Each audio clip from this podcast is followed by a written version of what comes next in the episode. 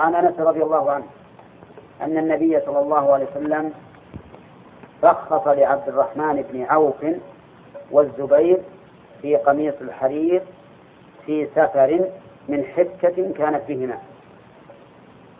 رخص الرخصة في اللغة بمعنى السهولة. وعند الأصوليين يقولون إن الرخصة ما ثبت على خلاف دليل شرعي لمعارض الراجح. في شيء من التعقيد هذا التعريف. ما ثبت على خلاف دليل شرعي لمعارض الراجح. مثال ذلك الذي معنا الحرير حرام. كذا؟ طيب. الحكة تحله.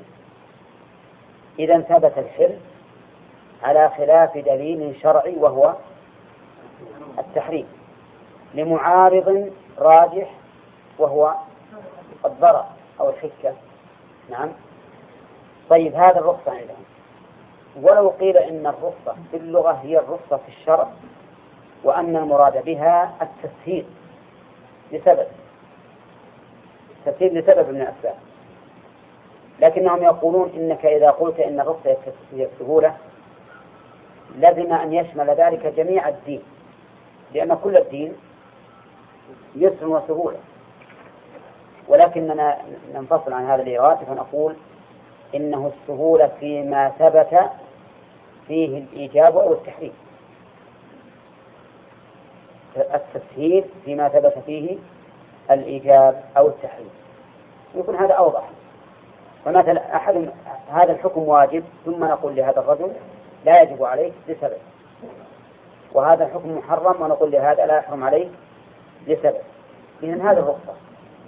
فالتسهيل إذن يكون لسبب بمعنى أننا نخرج بعض الناس من الإيجاز أو من التحريم لسبب هذا هو الرخصة قال لعبد الرحمن بن عوف والزبير في قميص الحرير. قميص هو الثوب المعروف. ثيابنا هذه قميص يعني الثوب ذو الأكمام يسمى قميصا. وقوله في سفر في سفر هل هذا بيان للواقع ولا قيد؟ بيان للواقع. فهو إذن ليس بقيد وقوله من حكة كانت فيهما من سببية فتكون دالة على على العلة.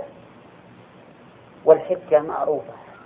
هو ما يصيب البدن مما يسمى بالعرف الحاضر يسمونه حساسية. هذه فيستفاد من هذا الحديث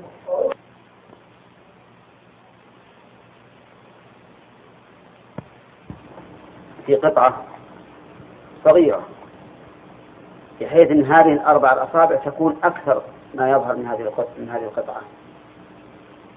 فإنه لا يجوز. عرفتم؟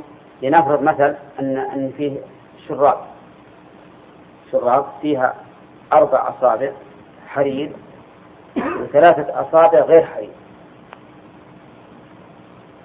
ماذا يكون الحكم؟ حرام. لأننا ذكرنا أنه إذا كان الثوب أكثره ظهورا الحرير صار حراما اعتبارا بالأكثر. في رخص النبي صلى الله عليه وسلم لعبد الرحمن بن عوف والزبير. الرخصة ما هي؟ ذكرنا أن معناها التسهيل وأن الفقهاء يقولون إن الرخصة ما ثبت على خلاف دليل شرعي لمعارض الراجح. وذكرنا أن هذا التعريف فيه غموض.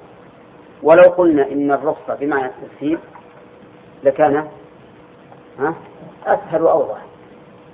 طيب. وقوله في قميص الحرير في سفر. قميص الحرير يعني القميص من الحرير. فالإضافة هنا على تقدير من. وقد سبق أن الإضافة تكون على تقدير من واللام وفي. فإذا كان المضاف إليه ظرفا للمضاف فهي على تقدير في كقوله تعالى بل مكر الليل والنهار إذ تأمرنا أن نكفر بالله. مكر الليل يعني مكر في الليل. وإذا كان المضاف إليه جنسا للمضاف فالإضافة على تقدير من. كما تقول خاتم حديد وباب تاج وثوب حرير وما أشبهها أي باب من حديد. ها؟ وثوب من حرير. فإضافة على تقدير منه. والحرير تقدم لنا أنه ها؟ نفي وجود القلب قال في سفر من ح... من حب. ها؟ آه بقي اللام هي أكثر. ما عدا ذلك فهي على تقدير اللام. والإضافة على تقدير اللام وهي كثيرة جدا. يقول في سفر من حكة من هنا للتعليق أي بسبب حكة. والحكة هي ما يعرف عندنا الآن بالحساسية. كانت بهما. وإنما رخص في ثوب الحرير من الحكة لأن الحرير فيه خاصية في تبريد هذه الحكة بل في شفاء هذه الحكة. ولهذا رخص النبي صلى الله عليه وسلم لهما في استعمال هذا الحديث فيستفاد من هذا الحديث عدة فوائد. أولا أن تحريم الحرير ليس لخبثه. لأنه لو كان لخبثه ما كان فيه فائدة ولا شفاء. لأن الشفاء لا يمكن أن يكون فيما حرم الله عز وجل. ولذلك لما سئل النبي صلى الله عليه وسلم عن الاستشفاء بالخمر وأنها تتخذ دواء فقال إنها داء إنها داء وليست بدواء. لأنها محرمة لخبثها. وما حرم لخبثه كيف يكون مفيدا؟ لكن الحرير إنما حرم لما فيه من النعومة التي لا تليق بالرجل. ولهذا جاز للمرأة ولو كان التحريم لخبث هذا النوع من اللباس لكان ذلك شاملا للتحريم شاملا للرجال والنساء. وبهذا يندفع الإشكال الذي قد يستشكله بعض الناس حيث يقول كيف كانت كيف كان الشفاء في شيء محرم؟ والله تعالى لم يجعل شفاء هذه الأمة فيما حرمها عليه فيما حرمه عليها. فنقول إنه إن التحريم هنا ليس بمعنى يتعلق بذات الحريم ولكن بمعنى خارجي. ما هو المعنى الخارجي؟ أنه يحصل بلباسه من النعومة ما لا يليق بالرجال ولهذا حل للنساء. ويستفاد من هذا الحديث أن تحريم الحرير ليس كالتحريم البات الذي لا يجوز إلا للضرورة. ولهذا أبيحت أبيح للحاجة لأن الحكة من الجائز أن تزول بغيره. ومن الجائز أن لا تزول به أيضا. وهكذا جميع الأدوية يمكن يزول المرض بدونها ويمكن أن لا يزول بها. ولهذا سهل تحريمه. ويستفاد من هذا الحديث جواز لبس الحرير للحكة. لقوله من حكة كانت بهما. ويستفاد وهل يشترط أن يكون ذلك في السفر؟ لا. لأن هذا القيد بيان للواقع. يعني أن الترخيص كان في سفر. فلو كان في حضر لم يختلف الحكم.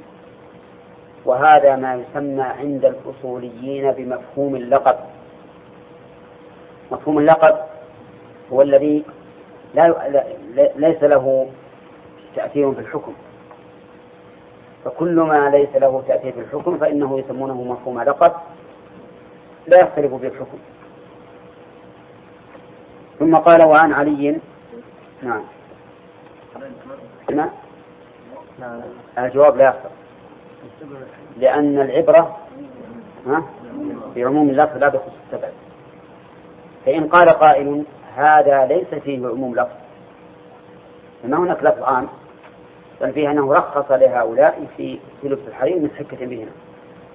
فأين اللفظ العام حتى تقولوا إن العبرة في عموم اللفظ لا بخصوص السبب؟ ها؟ نقول إن العموم نوعان. عموم لفظي وعموم معنوي. فالعموم اللفظي أن يوجد لفظ من ألفاظ العموم ورد على سبب خاص فيكون عاما ولا عبرة بسببه واللفظ والعموم المعنوي هو أن نقول إن إن العلة التي أبيح من أجلها الحرير لهذين الرجلين ها؟ خاصة ولا عامة؟ عامة. وهي الحاجة إلى نفسه فهذا نقول إنه عموم معنوي فلا يختص ثم إنه قد سبق لنا قاعدة نافعة في هذا الباب. وأن وهو أنه لا يوجد أحد يخصص بحكم من الأحكام لعينه أبدا. وإنما يخصص من يخصص بالأحكام لوصف كان فيه. لوصف كان فيه. أما أن الحكم شرعي يقال هو لهذا الرجل دون غيره هذا لا يمكن. لأن الأحكام الشرعية مربوطة بزللها. ومعانيها والأشخاص ليسوا عللا ومعاني إلا أنه يرد على هذا قول النبي صلى الله عليه وسلم لأبي بردة بن ياق حيث ضحى بشاته قبل الصلاة قبل صلاة العيد الأضحى. يريد أن تكون هي أول ما يؤكل في بيته. فلما سمع النبي صلى الله, صلى الله عليه وسلم يخطب يقول من ذبح قبل الصلاة فلا نسك له. وأمر من ذبح قبل الصلاة أن يذبح مكانها أخرى. قال يا رسول الله إن عندي عناقا هي أحب إلي من شاتين. أفتجزي عني؟ قال نعم. ولن تجزي عن أحد بعده أليس في هذا دليل على التخصيص؟ ها؟ نقول نعم. عند بعض أهل العلم يقولون إن هذا دليل على التخصيص العيني دون الوصف. لأنه قال ولن تجزي عن أحد بعدك. لكن شيخ الإسلام ابن تيمية رحمه الله يقول إن المراد بالبعدية هنا أي بعد حادث وأنه لو وجد إنسان على وصف على الوصف الذي وقع لأبي بردة فإنه يحل له أن يضحي بعناق يعني إذا جاء إنسان وضحى بشاته قبل الصلاة جهلا منه ثم لم يكن عنده إلا عناق فإننا نقول تجزئ عنك في هذا الحال. استدلالا بحديث أبي هريرة وما ذهب إليه شيخ الإسلام فلا شك أنه خلاف ظاهر اللفظ. ولكن المعنى الذي نعلمه من الشريعة وهي أن أحكامها معللة بالمعاني والأوصاف دون الأشخاص يرجح ما قاله شيخ الإسلام ابن تيمية رحمه الله. واضح؟ وعلى هذا فيكون الشريعة ليس فيها تخصيص حكم لشخص بعينه فإن قلت هذا ينتقض بالخصائص التي ثبتت للرسول صلى الله عليه وسلم. فإن النبي صلى الله صلى الله عليه وسلم خص بخصائص كثيرة. فالجواب أن النبي صلى الله عليه وسلم خصص بخصائص لأنه رسول الله. هذه خصائص علقت وصف وهي الرسالة. ولا يشاركه أحد في هذا الوصف لأنه عليه الصلاة والسلام كان خاتم النبيين. طيب. نعم. فتبين بهذا الآن أن هذا الحديث يعم عبد الرحمن بن عوف يعم من سوى عبد الرحمن بن عوف والزبير. وبقي أن يقال إذا احتيج إلى لبس الحرير لغير الحكة لمرض آخر مثلا. فهل يجوز أم لا؟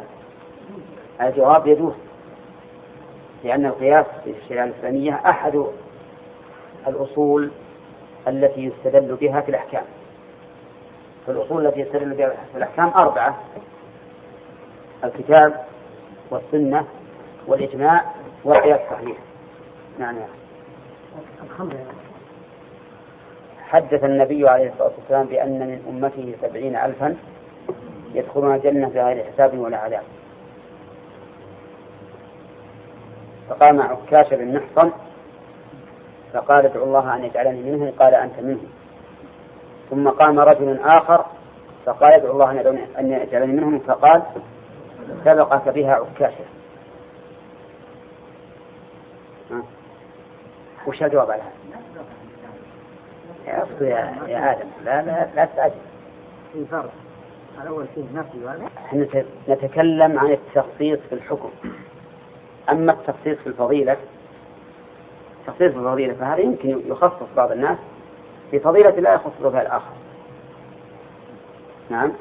يعني ممكن أن الله يجعل للإنسان خاصية في الفضيلة والمرتبة ما يشاركه أحد فيها. أبو بكر مثلا أفضل الأمة ما شارك أحد في منزلته. وبعده الخلفاء على الترتيب في الخلافة. هذه الفضائل غير الأحكام لكن الأحكام الشرعية التي هي مناط التكليف هذه ما حد يختص بها دون الآخرين. وأما مثلا إن هذا اختص بفضيلة والآخر اختص بفضيلة هذا ممكن.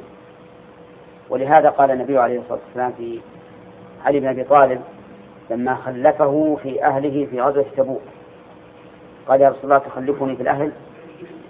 قال له أما ترضى أن تكون مني بمنزلة هارون من موسى إلا أنه لا, لا نبي بعد. هذه الخصيصة كون الرسول عليه عليه الصلاة والسلام يختص علي بن أبي طالب من بين سائر أهله وأصحابه أن يكون خليفته في أهله هذه ما تدل على أنه انفرد بحكم الأحكام. وكذلك لو أعطي الراية رجلا يحبه الله ورسوله ويحب الله ورسوله. مع أن محبة الله ورسوله ليست خاصة بعلي. فغيره أيضا من ممن يحبهم الله ورسوله ويحبون الله ورسوله. وعن علي رضي الله عنه قال كساني النبي صلى الله عليه وسلم حلة سيراء فخرجت فيها. فرأيت الغضب في وجهه فشققتها بين نسائي متفق عليه.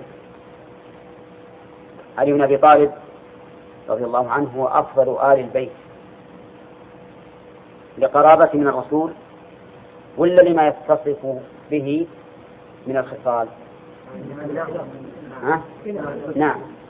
لهما كليهما. لكن لا للقرابة وما فضل ما فضل آل البيت لقرابته. بل لما كان له من الصفات الحميدة. ولو قلنا إن فضله لآل البيت من أجل القرابة لكان العباس أفضل منه. لأن العباس عم النبي صلى الله عليه وسلم. والعم أقرب إلى ابن أخيه من ابن العم إلى ابن عمه. واضح؟ ولكن علي رضي الله عنه تميز بخصائص من الفضيلة لا يشارك فيها العباس. وبهذا نعرف أن أبا بكر وعمر وعثمان امتازوا بالفضيلة على علي بن أبي طالب وإن كان هو أفضل منهم في القرب لأن مدار الفضائل الأصلي هو نعم الفضائل والأشياء التي يتخلق بها والقرابة تضاف إلى ذلك لا شك أن لقرابة النبي عليه الصلاة والسلام حقا على أمته. ولهذا الذين ليسوا بمؤمنين من قرابة الرسول عليه الصلاة والسلام يجب علينا أن أن نكرههم وأن لا نولي لهم محبة وذلك لأنهم أعداء لله وأعداء للرسول.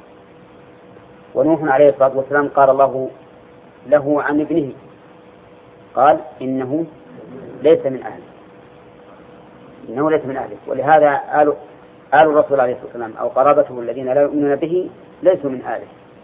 نعم. طيب علي يقول كثاني حلة سيراء يجوز حلة سيراء بالقطع عن الإضافة. ويجوز وتجوز الإضافة. فيجوز أن نقول حلة سيراء.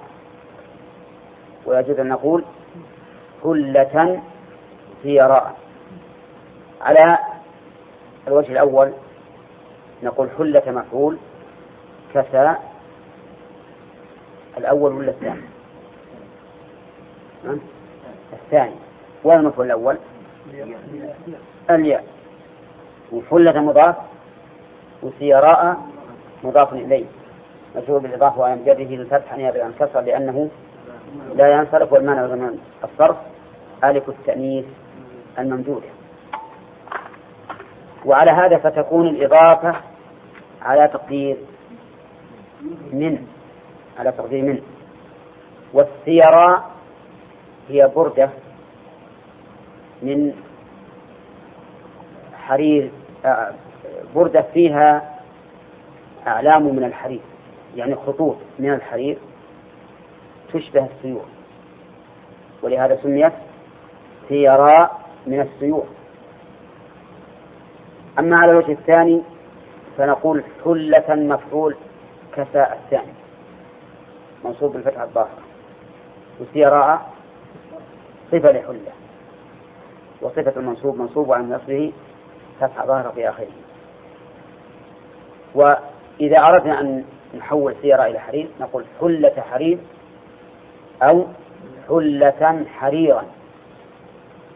فإذا جاءت حلة حريرا فإنها إما أن تكون صفة وإما أن تكون عطف بيان لأنها بينت نوع هذه الحلة. وعلى, وعلى كل حال فما هي الحلة؟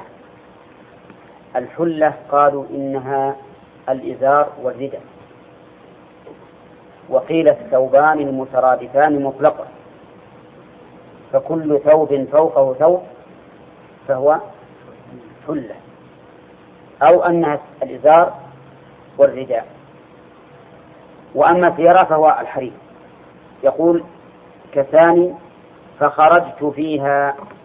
لبث رضي الله عنه وخرج.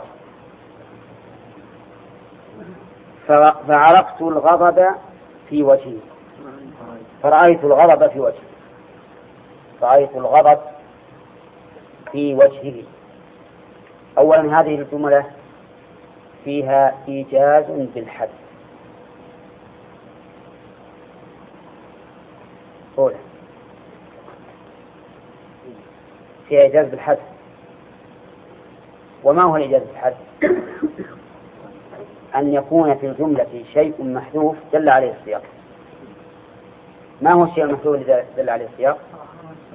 فرآني فغضب. فرأيت الغضب في وجهه رآني فغضب.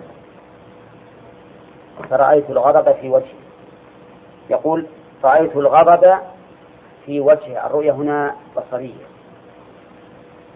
وقول رأيت الغضب في وجهه أي أثر الغضب. لأن الغضب محله القلب. كما قال النبي عليه الصلاة والسلام إنه جمرة يلقيها الشيطان في قلب ابن آدم. لكنه يظهر على الوجه. فيحمر الوجه وتنتفخ الأوداج وربما تقف الشعور. شعر الإنسان يقف من شدة الغضب. و... ها؟ فشققتها بين نسائي. شققتها يعني شققت هذه الحلة وفي رواية مسلم أنه جعلها خمرا جمع خمار جمع خمار فجعلها خمرا للنساء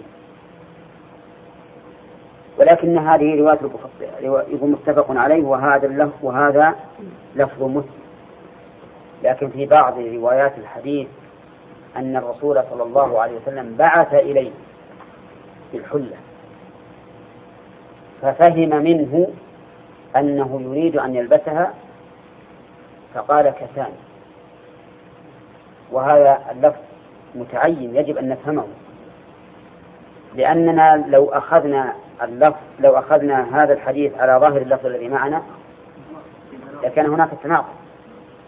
كيف يكسوه الرسول عليه الصلاة والسلام ثم يغضب ولكن الروايات الأخرى تبين ذلك. بعث إليه هذه الحلة فظن أنه يريد أن يلبسها فلبسها وعبر عن وعبر عن ذلك بقوله كفاني بناء على على ظنه.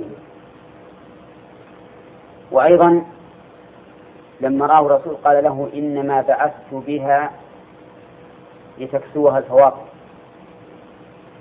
يعني لتعطيها نساءك. ولهذا فعل رضي الله عنه فشقها بين نسائه يستفاد من هذا الحديث عدة فوائد. الفائدة الأولى جواز إهداء الشيء المحرم على المهدى إليه إذا كان يحل لغيره. ها؟ وجهه؟ ها؟ أن الرسول عليه الصلاة والسلام أهداها لعلي وهي حرام على الرجال لكنها حلال للنساء. فعلى هذا لو أهديت لشخص خاتما من ذهب وهو رجل يجوز؟ يجوز. ولكن يجعله للنساء. إلا استثنى من هذا إلا إذا علمت أنني إذا أهديت له هذا المحرم ربما يستعمله هو.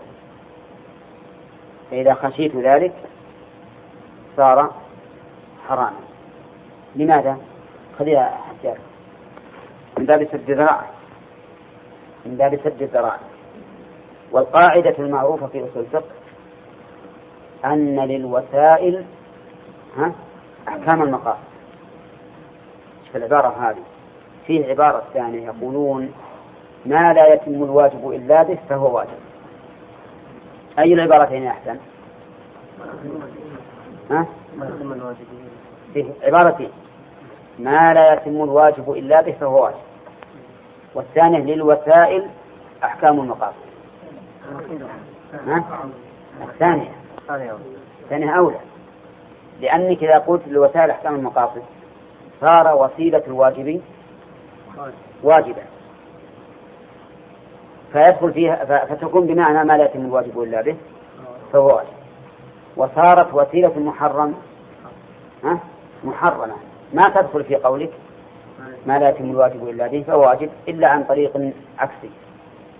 مثل أن تقول مثلا المحرم يجب اجتنابه وما لا يجب وما لا يتم الواجب به إلا به فهو واجب. الخلاصة أن نقول يجوز أن تهدي شيئا محرما لشخص محرما على شخص إليه نعم إلا إذا خشيت أن يستعمله في الحرام فلا يجوز ويستفاد ها؟ من هذا الحديث استحباب الغضب إذا انتهكت محارم الله من ناخذ رأيت الغضب في الوجه ويستفاد منه أن علي رضي الله عنه ليس بمعصوم. وجهه أنه أخطأ في لباس هذا الحرير وأن الرسول غضب عليه عليه الصلاة والسلام. فإذا كان علي بن أبي طالب رضي الله عنه غير معصوم وهو إمام الأئمة عند من يثبتون الأئمة فمن دونه؟ من باب أولى من دونه من باب أولى ويستفاد من هذا الحديث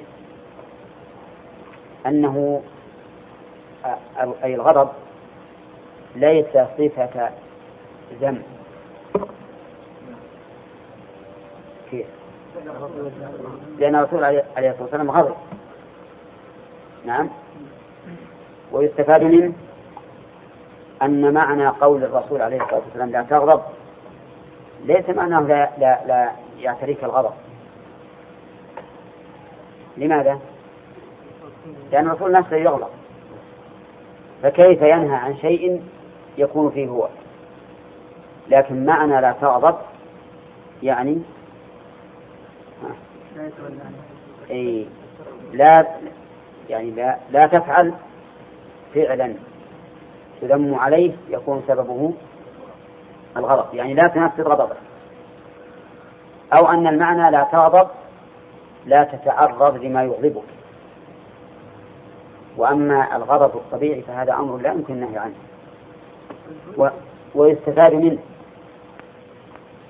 جواز تمزيق الثوب لجهة أخرى ينتفع به فيها.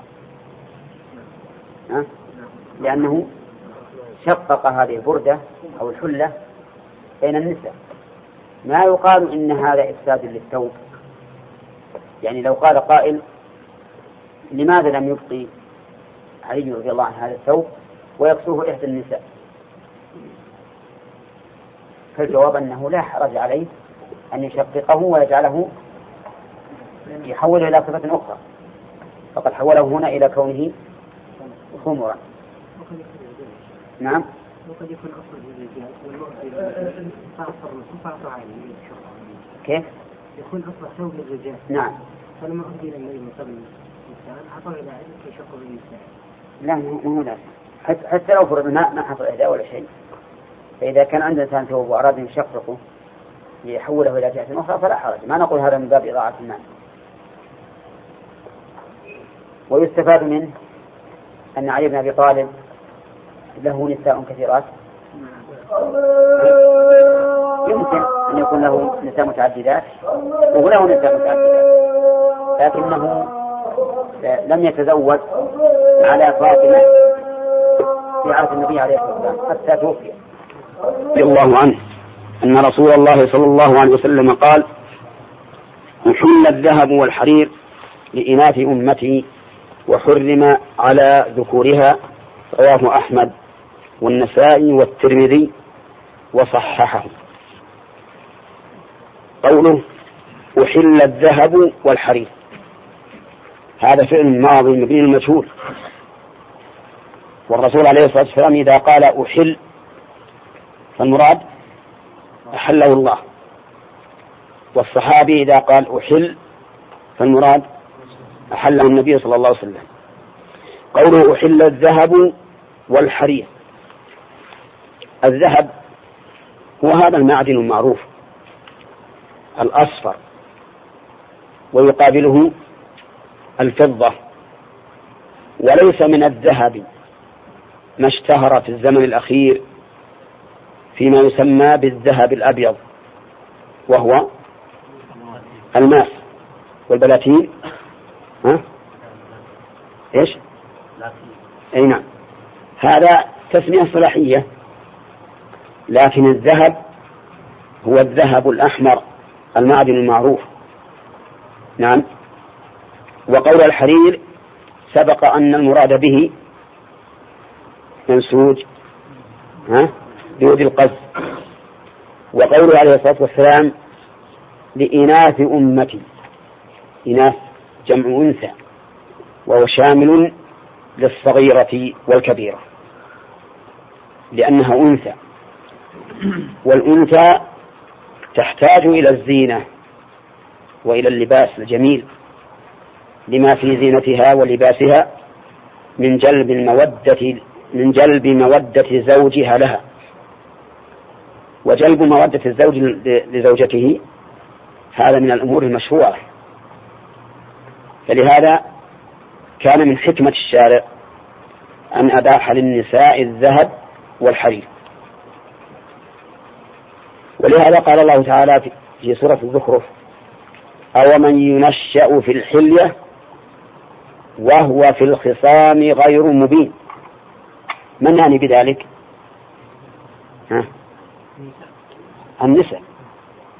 لأن المرأة تنشأ يعني تربى من أول نشأتها في الحلية. وهي إذا بلغت تكون في الخصام غير مبينة. ما تستطيع أن تفصح وأن تغلب غيرها. وهذا باعتبار الجنس. وإلا فقد يكون من النساء من يكون في الخصام أو من تكون في الخصام مبينة. لكن العبرة بالأعم فالمرأة ناقصة. فلذلك جبر الله نقصها بإباحة التحلي لها. وإباحة التحلي للمرأة بالذهب وإباحة لبس الحرير لها هل هو من مصلحتها الخاصة فقط ولا من مصلحتها ومصلحة الرجل؟ ها؟ من مصلحتها ومصلحة الرجل. فإن الرجل لا شك يتمتع بزوجته بالنظر إليها إذا كانت على هذا الوصف. وقوله حرم على ذكورها حرم. قد تقول لماذا لم يقل حرم على ذكورها؟ لأن الضمير يعود على على اثنين. والعادة أو القاعدة المضطردة في اللغة العربية أن الضمير إذا كان يعود إلى اثنين فإنه يجب ها يجب أن يثنى. موافقة لمرجعه. وهنا قال وحرم على ذكورها. والجواب على ذلك أن مثل هذا وارد في اللغة العربية بل في القرآن الكريم. وهو أن يذكر مرجع لأحد الم... أن يذكر ضمير لأحد المرجعين ويحدث ما يماثله من الضمير الراجع الآخر. مثاله قوله تعالى والله ورسوله أحق أن يرضوه. كان مقتضى السياق أن نقول أحق أن يرضوهما. لأنه جمعهما بحرف العطف الدال على الجمع. لكننا نقول في مثل هذا إنه حذف من الجملة ما يشبه الموجود وهو أبلغ من ذكر الفعل بالضمير المطابق. لأنه إذا حذف من الجملة مثل ذلك الفعل صار كأنه ذكر كم؟ مرتين بخلاف ما إذا جمع في ضمير واحد. وعلى هذا فنقول وحرم إيش؟ أي الذهب وحرم أي الحرير. وقوله عليه الصلاة والسلام على ذكورها ذكورها ولم يقل على رجالها لأن الذكر يقابل الأنثى والرجل يقابل المرأة والحكم يتعلق بمجرد الذكورة لا بالبلوغ ولهذا قال حرم على ذكورها. سواء كانوا بالغين أم غير بالغين. فيستفاد من هذا الحديث. طيب قوله آه نعم قبل. على إناث أمتي. على إناث أمتي. ما المراد بالأمة هنا؟ أمة الدعوة أم أمة الإجابة؟ نعم. هذا ينبني على اختلاف أهل العلم في الكفار. هل هم مخاطبون بفروع الإسلام أو ليسوا مخاطبين بفروع الإسلام؟ وقد درستم في أصول الفقه أنهم نعم مخاطبون بفروع الإسلام. وعلى هذا فيكون مراد أمة الدعوة. فالرجل إذا كان كافرا ولبس الحرير والذهب فإنه سيعاقب على هذا بالإضافة إلى معاقبته على الكفر. وأدلة هذا هذه مبسوطة في في أصول الفقه. طيب ويستفاد من هذا الحديث عدة فوائد. أولا حكمة الشرع. في التحليل والتحريم. من أين تؤخذ؟ من تحليل الحرير والذهب للإناث وتحريمه على الذكور. يعني هذا مقتضى الحكمة لأن الرجل لو يلبس الذهب ويلبس الحرير فمعنى ذلك أنه يميل إلى النعومة وبالتالي يدعو الناس إلى الافتتان به. ولهذا كم من أناس سقطوا في شرك هذا الأمر؟ حين يأتي شباب مائع فيتمكيج ويلبس سلاسل الذهب وثياب الحرير ثم يخرج إلى الناس. ماذا يحصل من الفتنة؟ يحصل فتنة عظيمة حتى ينقلب الرجال إناثا. ولهذا كان من الحكمة تحريمه على الذكور. ويستفاد من, من هذا الحديث أن تحليل الذهب والحرير للإناث يشمل الصغيرة والكبيرة. من أين يؤخذ؟ من قوله على إنا... لإناث أمتي. فإن قلت تعميمك الحكم للصغير والكبير من النساء ينافي ما ذكرت من الحكمة من أن في ذلك مصلحة للمرأة ولزوجها. فالجواب أن نقول إنه أبيح لها وهي صغيرة وإن كانت ليست بحاجة إلى أن تتحلى بهذا من أجل أن تنشأ عليه. أو من ينشأ في الحلية وتعداد وتعتاده ولا يضر هذا. ها؟ الكبيرة معروف أنها إن الحكمة من إباحته لها كيف وهي؟ لا ذكرنا ها؟ أي نعم العجوز تقول ليش إنكم تحرمون علي عقب ما كبرت؟ نعم إن كان إن كان ذات زوج تقول لا الله يجيب من زوجي بعض الشيء ارزق ولدا نعم. وإن كان به ذات زوج فنقول عموم الأدلة تشمل الصغيرة والكبيرة. ونحن ذكرنا من قبل قاعدة وهي أن العلة المستنبطة لا تخصص العموم. العلة المستنبطة ما تخصص العموم لأنه من الجائز أن تكون العلة غير ما استنبطته.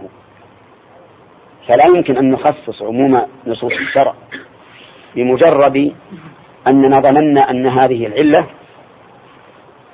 فنكون بذلك جنينا على النصوص بمقتضى ما تقتضيه العقول.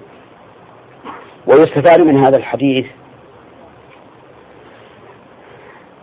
أدب النبي صلى الله عليه وسلم مع ربه. لقوله أحل وحرم. وإنما قال ذلك دون أن ينسبه إلى نفسه لأننا إذا علمنا أنه من عند الله عز وجل صار اجتنابنا لما حرم علينا منه ها أوكد وأعظم. وإن كان من يطيع الرسول فقد أطاع الله لكن هذا أوكد وأبلغ. ويستفاد من هذا الحديث جواز لباس الحرير والذهب للنساء. ولو كثر. ها؟ ولو كثر. ها؟ هنا نقول ظاهر الحديث ولو كثر. لكنه كغيره من النصوص المطلقة. فالأكل والشرب حلال لكن إذا وصل إلى حد الإسراف ها؟ صار حراما. كذلك الذهب والحرير إذا وصل إلى حد الإسراف صار حلالا. حراما؟ نعم صار حراما. طيب وما ميزان الإسراف؟ ما ميزان الإسراف؟ ها؟ نعم ميزانه أن يتجاوز الإنسان بفعله ما كان معروفا عند الناس. فلو أن امرأة من التجار وذوات الهيئات الكبيرة لبست شيئا كثيرا من الذهب وجاءت امرأة صغيرة فقيرة. وقالت أنا بلبس مثلها. وش نقول؟ ها؟ هل نمنعها؟ ولا نقول يجوز؟ إن منعناها احتجت علينا. قالت الله أكبر الفقير ما عنده قيمة ما عنده قيمة لكم حتى في هذه الأمور. نعم. وكما قال المعري لما وصفوا له وهو مريض وصفوا له ديكا صغيرا يذبحه ويجعل في مرقه دواء. قال جيبوا الديك اللي أنتم وصفتم لي. جابوه وأمسك به وقال استصغروك فوصفوك.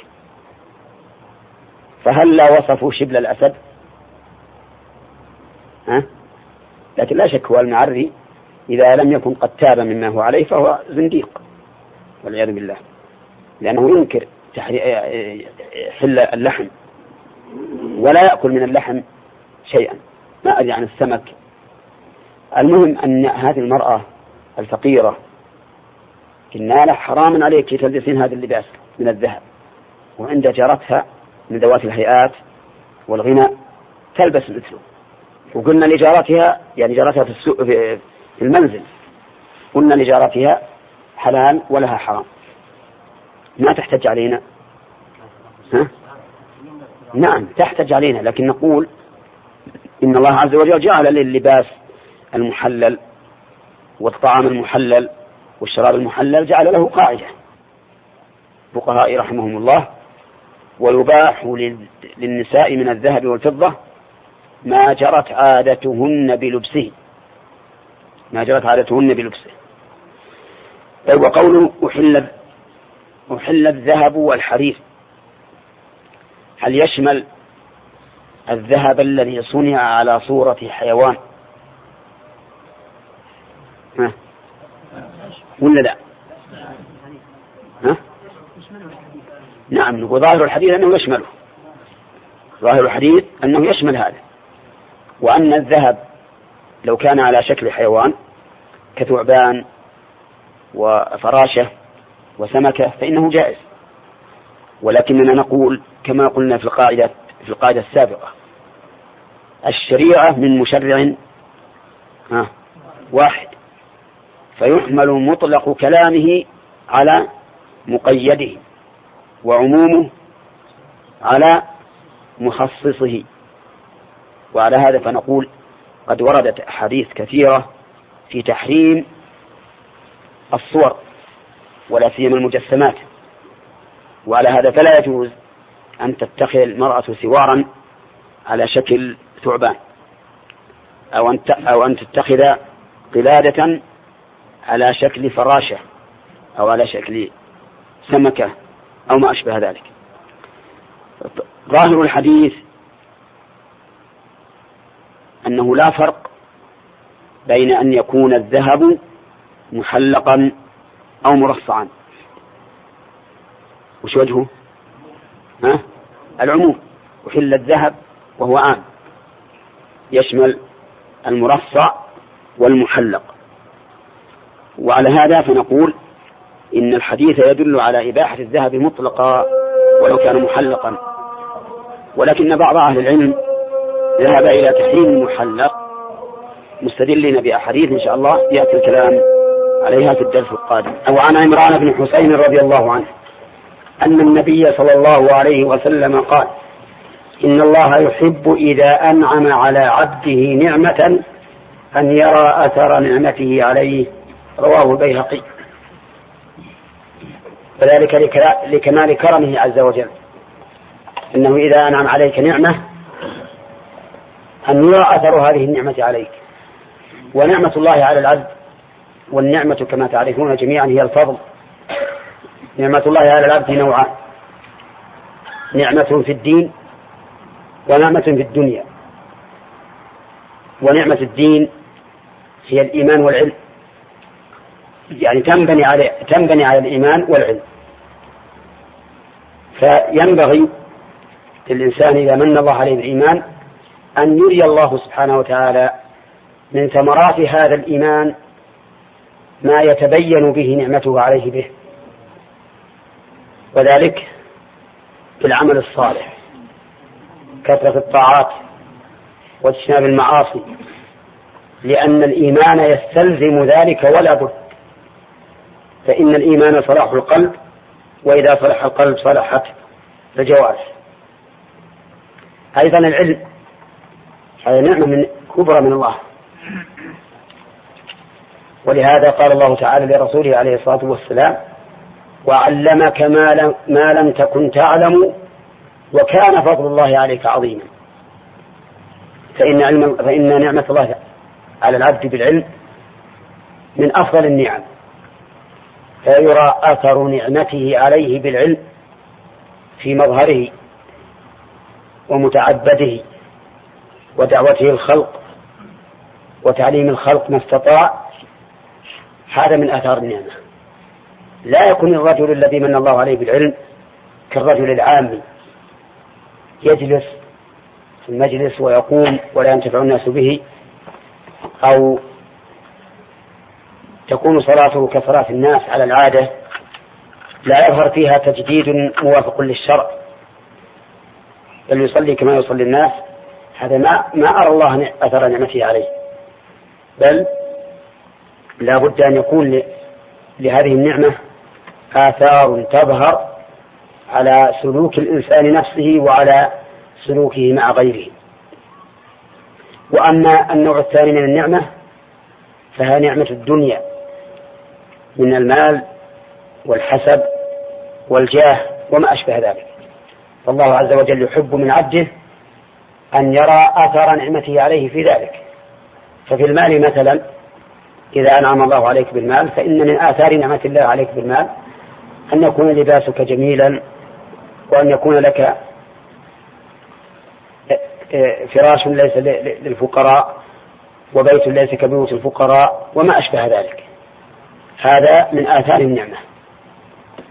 لا تقل أنا قد أنعم الله علي بالمال وعندي مال كثير أخرج بعباءة مرقعة وثوب وسخ متشقق ونعال متقطعة.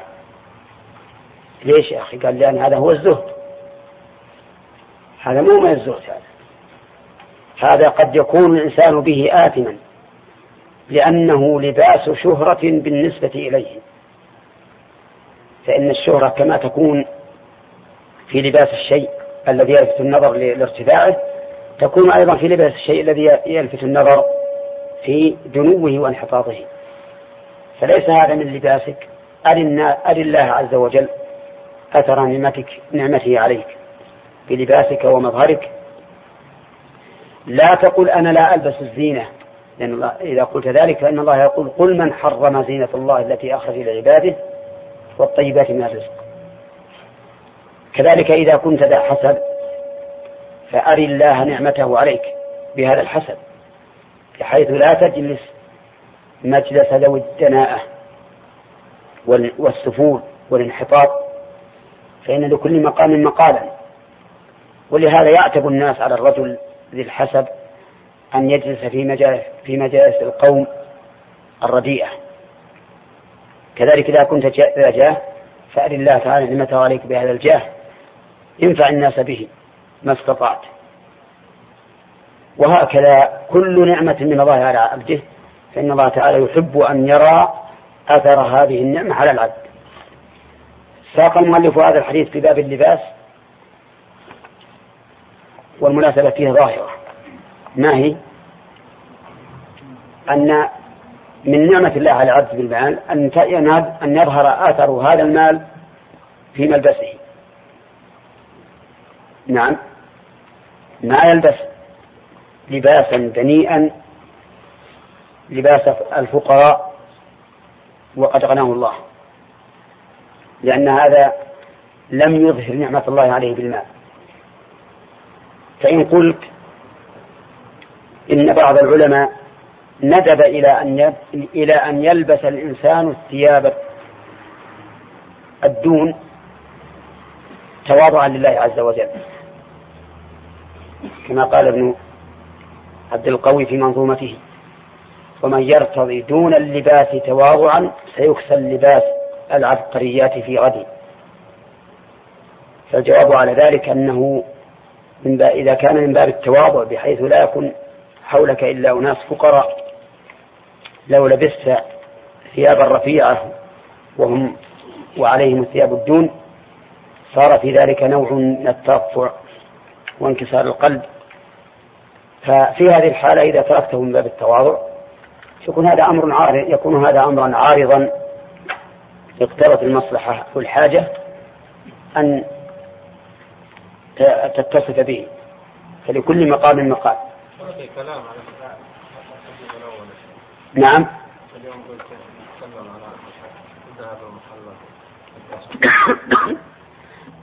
هو على كل حال يعود هذا للمصلحة. فإذا كان من التواضع أن يلبس كلباسهم واقترت المصلحة ذلك فلا حرج. بالنسبة لمن يخشى العين لكن يكون طالب علم نعم. يخشى أن يظهر علمه للناس خشية العين مثلا أو حافظ القرآن مثلا. في أناس من هذه النوعية. هل يعتبر هذا ضعف التوكل؟ إي نعم هذا فيه ضعف من التوكل لا شك ولهذا الذي ينبغي للإنسان أن يعتمد على الله عز وجل وأن يفعل كل ما يقتضيه كل ما كل ما تقتضيه حاله من نشر العلم والدعوة إليه وبيانه. وإذا أراد الله أمرا فلا مفر فلا مفر منه. لكن لا ينبغي للإنسان أن يضعف أمام أمور يلقيها الشيطان في قلبه وقد لا يكون لها أصل. وفي الحديث إن الله يحب إثبات أن الله عز وجل يتصف بالمحبة. يتصف بالمحبة. كذا. إن الله يحب ونصوص إثبات المحبة لله عز وجل في القرآن والسنة كثيرة. وقد أجمع السلف وأئمة الخلف ومن سلك سبيلهم على أن الله تعالى موصوف بالمحبة على الوجه اللائق به وأنه يحب ويحب. وهذا ظاهر في القرآن والسنة. قال الله تعالى يا أيها الذين آمنوا من يرتد منكم عن دينه فسوف يأتي الله بقوم يحبهم ويحبونه. ففيه إثبات المحبة من الجانبين أن الله يحب ويحب سبحانه وتعالى. وهي محبة حقيقية كسائر صفاته. ولا يجوز لنا أن نؤولها. تأويل تحريف بأن نخرجها عن معناها الذي أراد الله بها فإن هذا من القول على الله بلا علم ومن ومن الجناية على كلامه ومن تحريف الكلم عن مواضعه وهو من دأب اليهود والنصارى الذين حرفوا كلام الله وأخرجوه عن ظاهره. وقد ذهب بعض أهل التحريف إلى تحريف المحبة بمعنى الإثابة. بمعنى الإثابة. وقالوا يحبهم يعني يثيبهم. ومعنى يحبونه أن يفعلون ما يقتضي الثواب. فلا يثبتون أن الله يحب ولا أنه يحب. وقال بعض التحريف أيضا إن الله يحب ولكنه لا يحب. لأن المحبة من الإنسان ثابتة لكن محبة الله للإنسان ما نثبتها. لماذا؟ قالوا لأن المحبة هي ميل ذي المحبة إلى ما فيه منفعة له أو دفع مضرة. هذه المحبة. يعني ما تحب الله شيئا تنتفع من ورائه أو تدفع به ضررا عنك. والله عز وجل مستغن عن ذلك فليس بحاجة إلى نفع ولا إلى دفع ضرر. كما قال الله عن نفسه في الحديث القدسي يا عبادي إنكم لن تبلغوا نفعي فتنفعوني ولن تبلغوا ضري فتضروني. وحينئذ يجب أن تؤول هم يقولون تؤول ونحن نقول تحرف. إلى قالوا إلى إرادة الإنعام والثواب أو إلى الثواب نفسه. ولكنه سبق لنا أن قلنا إن هذا القول باطل. لأنه يتضمن إنكار دلالة الكتاب والسنة على ما أراد الله ورسوله بهما وثانيا أن اللازم الذي ذكروه غير لازم في الحقيقة لأن هذا اللازم الذي ذكروه إنما يلزم على محبة من؟ محبة المخلوق أما محبة الخالق فلا يلزم منها ذلك لأنها ليست كمحبة المخلوق للمخلوق بل هي محبة لا نعلم كنهها وكيفيتها ولكننا نعلم معناها أما كنها وحقيقتها وكيفيتها فهذا غير معلوم لنا. ثم إن قولهم إن الإنسان لا يحب إلا ما فيه نفع له أو دفع مضرة غير مسلم أيضا حتى في المخلوق. فإن من الناس الطيبين من يحب أن ينتفع غيره وإن كان هو لا ينتفع بذلك الانتفاع. ليس كذلك؟ أهل, أهل, أهل الخير وأهل المودة للمؤمنين كما يودون لأنفسهم يحب من لأخيه أن ينفعه الله وأن يدفع عنه الضرر وإن كان هو بنفسه لا ينتفع بذلك. ولا, ولا يتضرر لو تضرر أخوه فليس بلازم. ثم إن نورد عليهم فنقول لهم ألستم تثبتون الإرادة؟ سيقولون بلى نثبت الإرادة. طيب إرادة الإنسان هل الإنسان العاقل يريد شيئا إلا إلا ويطمع أن فيه منفعة له أو دفع مضرة؟ إلا وفيه منفعة له أو دفع مضرة؟ وش الجواب؟ الإنسان العاقل ما يريد شيئا إلا وهو يعلم أن له فيه منفعة أو دفع مضرة. ولا وش يريده وأنتم تثبتون الإرادة لله فيلزم على قياس قاعدتكم أن تنكروا الإرادة فإن أجبتم بأنها إرادة خاصة بالله عز وجل لا تستلزم النقص الذي تستلزمه إرادة المخلوق قلنا لهم فكذلك المحبة والنصوص الواردة في المحبة في الكتاب والسنة أكثر بكثير من النصوص الواردة؟ في الإرادة فالصواب أن الله تعالى له محبة حقيقية ولكنها ليست كمحبة المخلوق بل هي أعلى وأكمل وأعظم ولا نستطيع أن نتصورها. والواجب علينا أن نثبت ما أثبته الله لنفسه لأنه عز وجل أعلم بنفسه منا. فإذا أخبرنا عن نفسه بصفة فليس من حقنا أن ننكرها. وفي أيضا يستفاد من هذا الحديث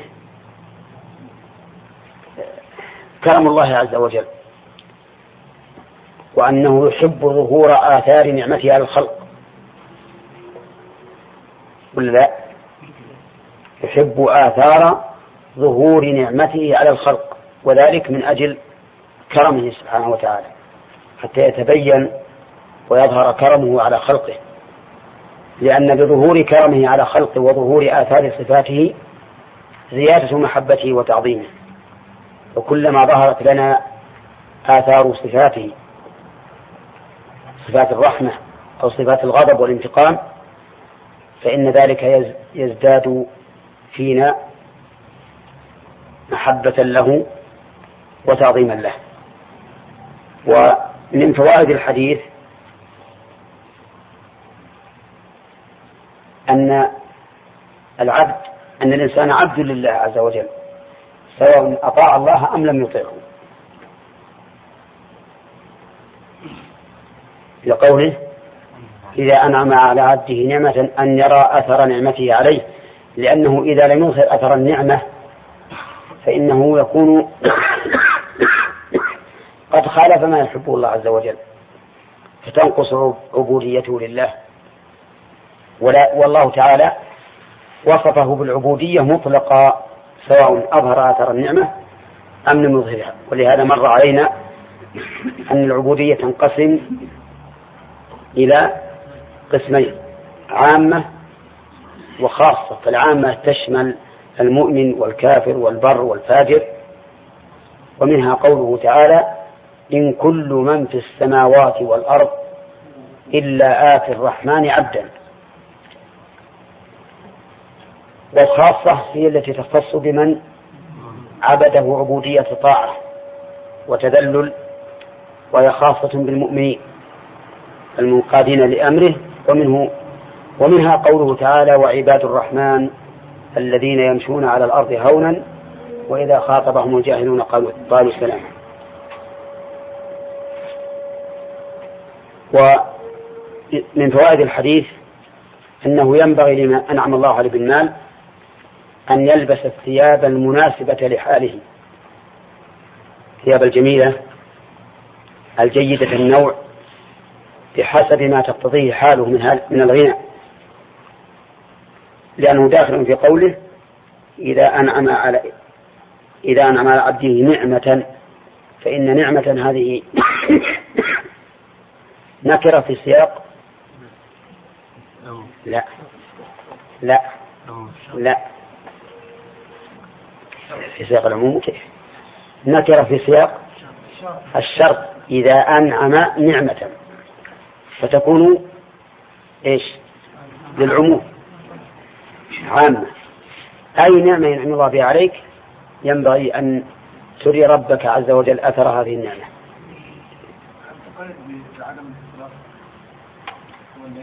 إي نعم. هذا الحديث يجب أن يقيد بعدم الإسراف لقوله تعالى ولا تسرفوا إنه لا يحب المسرفين. الشخص أو العقل الجميع هل يعتبر مسرفا لحاله هو أو لحال من حوله؟ باعتبار بحاله هو أو بحال الجماعة؟ بحال بعرف الناس. نعم. يعني إذا قال الناس إن هذا الرجل الذي فعل هذا الرجل إسراف صار اسرافا. بالنسبة لحاله هو لا يعني قد يكون غنيا غنى كبيرا. هو الاسراف يختلف بالنسبة الفاعل. فقد يكون مثل هذا الرجل يصنع وليمة تقدر بألف درهم ونقول أنت أسرفت لأنه ضعيف ويقيم هذه الوليمة رجل آخر ونقول إنه لم يسرف لأن هذه تليق بحاله ولهذا قال الله عز وجل ينفق ساعة من ساعته ومن قدر عليه رزقه فلينفق مما آتاه الله. نعم. بالنسبة لمحبة المخلوق الخالق نعم. إذا قلنا أنها ميل النفس إرادة يعني لطلب النفع دفع الله؟ نعم. ما يكون هذا متاجرا في عبادته بالنسبة لي؟ لا يا أخي. آه كل إنسان يعبد الله عز وجل. ماذا يرجو؟ يرجو نعم النجاة من النار ودخول الجنة. النجاة من النار ترفع الضرر ودخول الجنة. حصول المال نعم. ما يعبده لأنه يستحق العبادة. لا. لا هذا هذا مذهب الصوفية. الذين يقول اعبد الله لله. لا لأي سبب آخر. هذا خلاف هدي النبي عليه الصلاة والسلام. قال الله تعالى عن رسوله محمد صلى الله عليه وسلم محمد رسول الله والذين معه أشداء على الكفار رحماء بينهم تراهم ركعا سجدا يبتغون فضلا من الله ورضوانه فالله عز وجل يعبد تعظيما له ومحبة له ولما وعد به العابدين من النجاة من النار ودخول الجنة. قال من عبد الله نعم طمعا في جنته وفقا من ناره نعم. لا لا غلط غلط رحمه الله عفى الله عنه بما عما قال. طيب فيه آه نعم إظهار نعمة المخلوق كيف؟ كان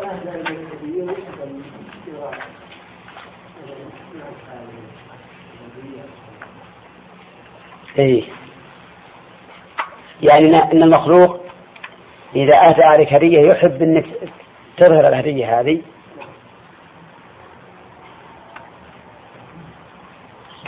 يشتغلون فيها؟ ها؟ لا هو قد يقول بعض الناس يهدي عليك هدية ولا شافك تستعمله يفرح. لأنك لو ما تستعمله يقول هذا ركنها أو زهد فيها أو ما انتفع بها. وأنا آتيتها عليه لأجل ينتفع بها. الظاهر أن سرور الإنسان بكون المهدى إليه ينتفع بهديته آه، ما يعد هذا من باب المنة. ولا يلام الإنسان عليه. كل إنسان إذا آتى لصاحبه هدية ورآه يستعملها لا شك أنه بيفرح المنة أن يقول وشلون هذه؟ عساك إن شاء الله انتفعت به عسى طيبه وما أشبه ذلك. أما إنسان يفرح أن صاحبه انتفع بما وهبه ما ما يعد هذا منه. نعم. نعم. يجمع بين هذا يعني هذا الحديث مع اختيار الرسول لنفسه حياة التقشف نعم. وكيف يجمع بين مثل هذا الحديث واختيار الرسول لنفسه حياة الرسول صلى الله عليه وسلم أظهر آثار نعمة الله عليه أيما إظهار. فإنه جاد بماله وبذله لعباد الله. ما أمسك حتى ما ظهر عليه أثر النعمة لا في نفسه ولا في غيره. الرسول صلى الله عليه وسلم أظهر آثار نعمة الله عليه. كان يعطي العطاء الذي لا تعطيه الملوك. كان يعطي أعطى رجلا جاء يسأله وأعطاه غنما بين جبلين. الأعرابي يحب الغنم. هذه الهدية ملأت قلبه. ذهب إلى قومه وقال قال يا قوم أسلموا. ما قال فإن لكم الجنة. فإن محمدا يعطي عطاء من لا يخشى الفاقة. نعم. آه، هذا هذا أثر. أي نعم. نعم. صح لي الرواية شيخ عن أنه أن الرجل صفوان بن أمية رضي الله تعالى عنه أي. أيهم الذي أعطي هذا ما أعرف. بين جبلين. ما أعرف. هذا ذكر في الرجل في اللطائف ولا ذكر اسمه. قبل أن يسلم صفوان. نعم. يعني إذا الإنسان أنفق ماله مثلا وعاش عيشة الفقراء الزاهدين نعم. هل يعني معناه يعني أظهر نعمة الله عليه؟ إي نعم. اذا إذا أنفقه لله ترى. ما هو ما هو إي نعم. ثلاث أنه العطاء شيء من الدنيا هذه شيء من الدين وما ينبغي تشجيع الأولاد. إي. على حفظ القرآن ولا على عمل طاعة بشيء من الدنيا. إي لأنه يخشى ذكر أنه يخشى ان تنقلب نيتهم إلى هذا. طيب فعل الرسول. فعل الرسول آه، فما رغب قلب جل قال. أي نعم هذا أثرت عليه. لكن الرسول عليه الصلاة والسلام نيته تأليف على الاسلام لأن العرب في ذلك الوقت ما عندهم إيمان. ما عندهم إيمان يحتاجون اولا يدخلون بالاسلام هم إذا دخلوا في الإسلام طابت النية لكن أولادك عندك مسلمين. كونك تعودهم إنهم ما يفعلون العبادة الا إلا بشرط ربما يخل في يخل بنيتهم في المستقبل. فعله؟ فعله في وجوده يعني. هذا بالنسبة لغيره لكن بالنسبة لنفسه مثل نعمة الزينة. نعم أخرى يعني. أي. نراك يا يا رسول الله عليه الصلاة والسلام الزهد يعني أي نعم لأن الرسول صلى الله عليه وسلم يريد أن ينفع المسلمين بماله أكثر. لو جاء رجل وقال أنا ما تقولون؟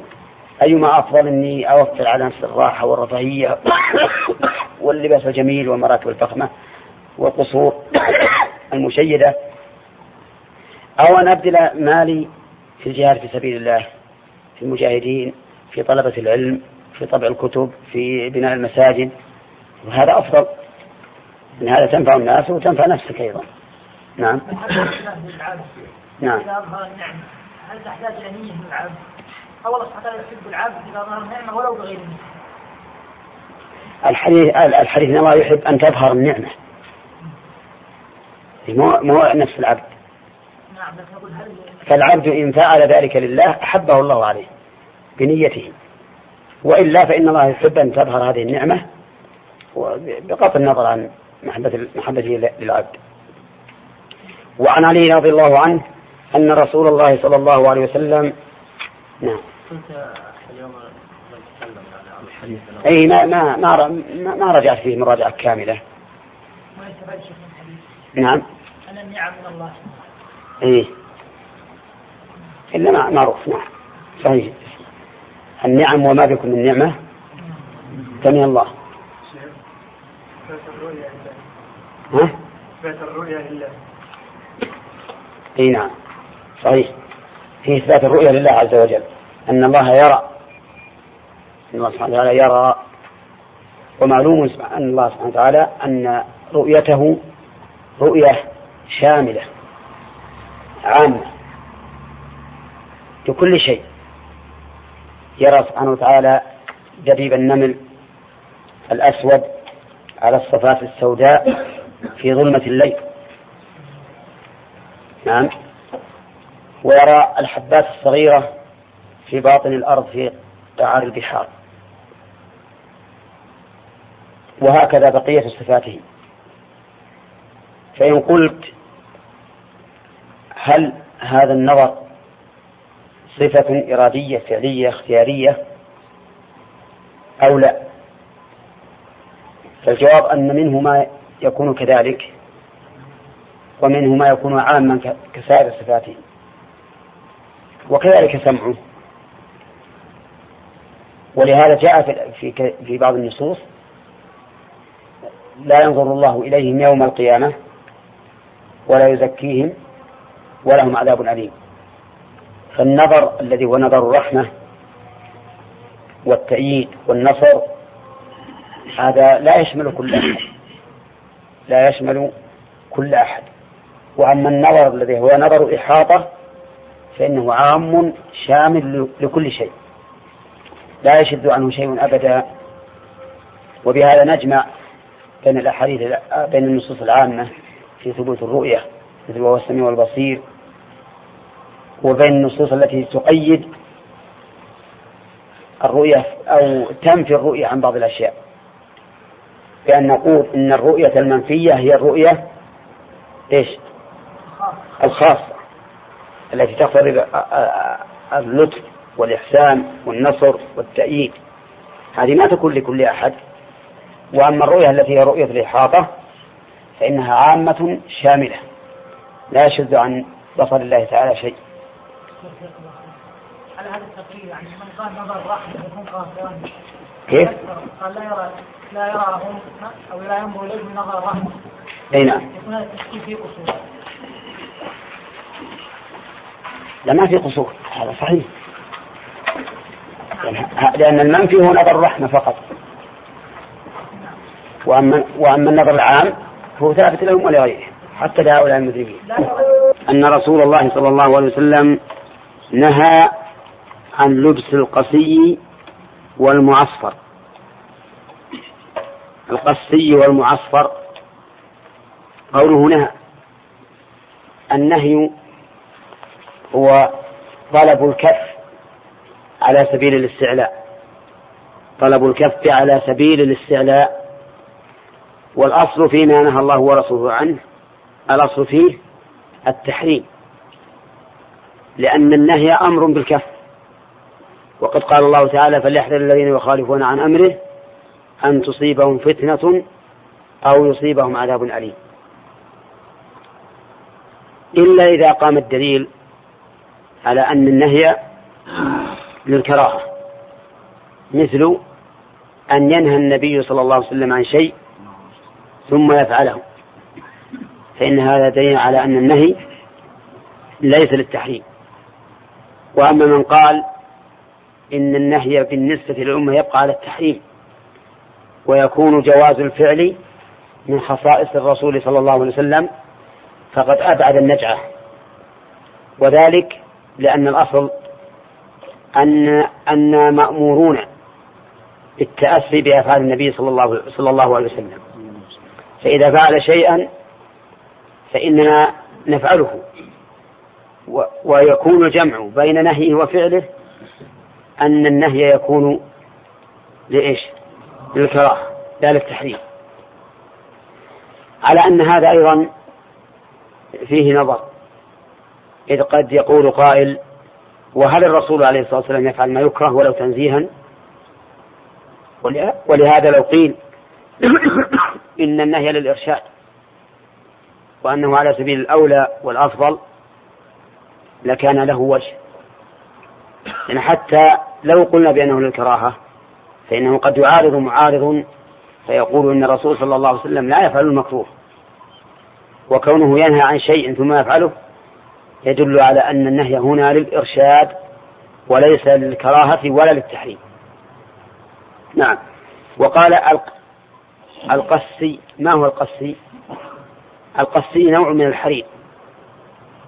نوع من الحرير. وقد سبق لنا أن رسول الله صلى الله عليه وسلم نهى عن لباس الحرير وأنه حرمه على من؟ على ذكور الأمة. إلا إذا كان موضع أصبعين أو ثلاثة أو أربعة أو إذا كان أكثر أكثر ظهورا من غيره. وإن لم يكن وإن كان موضع أصبعين أو ثلاثة أو أربعة ما دام هو الأكثر ظهورا فإن العبرة بالأكثر. وبهذا نعرف أن الحلة السيرة التي أعطاها النبي عليه الصلاة والسلام علي بن أبي طالب فلبسها فعرف الكراهية في نفسه من هذا النوع. يعني أن خطوط الحرير التي فيها كانت أكثر ظهورا وأغلب وقولها المعصفر نعم. ها؟ هذه واحد. وما كان الحرير أقل ظهورا منه. طيب يقول والمعصفر إيش معنى المعصفر؟ يعني المصبوغ بالعصر فقد نهى عنه النبي عليه الصلاة والسلام. وظاهر الحديث أن النهي عام للرجال والنساء ولكن أكثر الفقهاء يقولون إن هذا خاص بالرجال المعصر. لأن النبي عليه الصلاة والسلام لما رأى على عبد الله بن عمرو بن العاص ثوبين معصفرين قال له أمك أمرتك بهذا لأن هذا من لباس النساء. فالمرأة يجوز لها أن تلبس الأحمر أو المصبوب بالعصفر وأما الرجل فإنه ينهى عنه. وهذا النهي يشمل ما إذا كان الثوب كله مصبوغا بالعصفر كله مصبوغا مصبوغا بالعصفر أما إذا كان بعضه مصبوغا بالعصفر وبعضه ملون بلون آخر فإن إذا قسناه على مسألة الحرير نقول إذا كان الأكثر ظهورا هو الأحمر صار منهيا عنه. وإذا كان الأكثر ظهورا سواه أو كان متساويين كان ذلك جائزا. واضح؟ وقد اختلف أهل العلم في هذا النهي هل هو للكراهة والتنزيه وخلاف الأولى أو أنه للتحريم. فذهب أكثر أهل العلم إلى أن ذلك للتنزيه. وليس حراما على المرء أن يلبس ثوبا معصفرا أو مصبوغا بما يشبه العصفر من الحمرة. وقالوا إنه ثبت عن النبي عليه الصلاة والسلام أنه خرج من قبته في الأبطح وعليه حلة حمراء حلة حمراء. فإذا كان عليه حلة حمراء إلا ذلك على أن الأحمر جائز. لكن ابن القيم رحمه الله يقول إن هذه الحلة الحمراء معناها أن أعلامها حمر وليست كلها حمراء. وأنه لما كانت أعلامها كلها حمرا صح أن نطلق عليها أنها حلة حمراء. مثل ما نقول الآن لكم الشماغ هذا أحمر ولا أبيض؟ ها؟ أحمر. وإن كان فيه بياض. وابن القيم يرى أن أن لبس الأحمر محرم. وأن ما ورد من كون الرسول عليه الصلاة والسلام عليه حلة حمراء فالمراد أن أعلامها حمر وليست حمراء خالصة. وبناء على ذلك فإن ما يوجد من الثياب التي يلبسها بعض الناس. بعض فئات الناس مثل الكناسين ومثل في بعض الأندية الرياضية يلبسون أحمر خالصا. نقول لهم إن هذا إما مكروه وإما محرم. فإن كان فيه أعلام بيض أو صفر أو لون آخر زالت الكراهة. تزول الكراهة لأنه ليس أحمر خالصا. والحكمة من النهي الحكمة من النهي أما القسي فظاهر لأنه من الحديد وأما المعصفر فقد قيل إنه لباس أهل النار. فلا ينبغي للإنسان أن يتشبه بهم. نعم. إي نعم. أحمر يميل إلى الصفرة قليلا حسب حسب ما يكون العصفر. والاصفر لا الأصفر ما يدخل في هذا الأصفر ما يدخل في هذا ها؟ الحلة. الحلة؟ هي اللباس المكون من ثوبين. قال وعن عبد الله بن عمرو بن عاص رضي الله عنهما قال رأى علي النبي صلى الله عليه وسلم ثوبين معصفرين فقال أمك أمرتك بهذا؟ رواه مسلم. قال علي ثوبين معصفرين. رؤية عين ولا رؤية قلب؟ رؤية عين. فقال أمك أمرتك بهذا. أمك مبتدأ. ولكنه على تقدير همزة الاستفهام. والتقدير أأمك. أمرتك بهذا. وأمرتك الجملة خبر المبتدأ وإنما قال عليه الصلاة والسلام أمك أمك أمرك بهذا لأن ذلك من لباس النساء. لا يلبسه الرجال. ولا ولا يخفى ما في هذا القول من التوبيخ والتقريع لعبد الله بن عمرو بن العاص. مثل ما يقول الناس الآن تربية هذا الرجل تربية امرأة. أنت قد ربتك امرأة يعنون أنه ناقص التربية. فكذلك قوله أمك أمرتك بهذا لأن تربية الأم ناقصة ولأن هذا من لباس النساء. فيستفاد من هذا الحديث وجوب الإنكار على من تلبس بالمنكر ها بقوله أمك أمرتك بهذا. ويستفاد منه أن لباس الأحمر جائز للنساء. لأن قوله أمك وأمرك بهذا من أجل أن النساء يعتدن ذلك فتظن المرأة أنه يجوز للرجل أن يلبسه. ومن فوائد الحديث أن تربية الأم ناقصة. لقوله أمك أمرتك بهذا. ولذلك قال أهل العلم في باب الحضانة إنه إذا خير الغلام الذي بلغ سبع سنين واختار أمه فإنه يكون عندها ليلا وعند أبيه نهارا لأجل أن يؤدبه ويقوم بمصالحه. وعن أسماء بنت نعم. فائدة أن عبد الله لم يكتم الكلام هذا لأن فيه وفيه توبيخ نعم. إيه. يعني الأمانة في النقل؟ إيه نعم. إيه نعم. وعن أسماء بنت أبي بكر رضي الله عنها عنهما.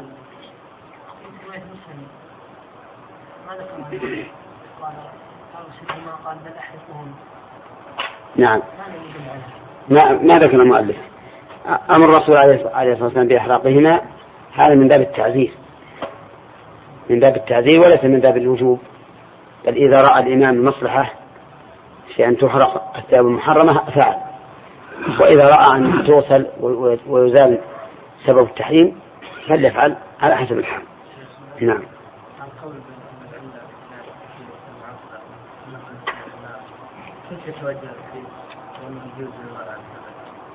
إيه. لا معنى هذا المرأة مثلا النساء الكاسيات العاريات لباسهن لباس أهل النار. ولو أن رجلا لبس شيئا حرام على المرأة من جهة عدم الستر ولكنه حلال له من جهة الستر ما صار كذلك. يعني الحكم قد يختص ببعض الجنس. نعم.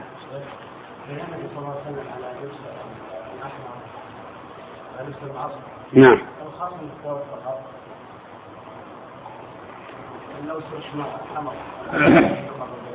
ما في شيء يعني مو بأحمر خالص.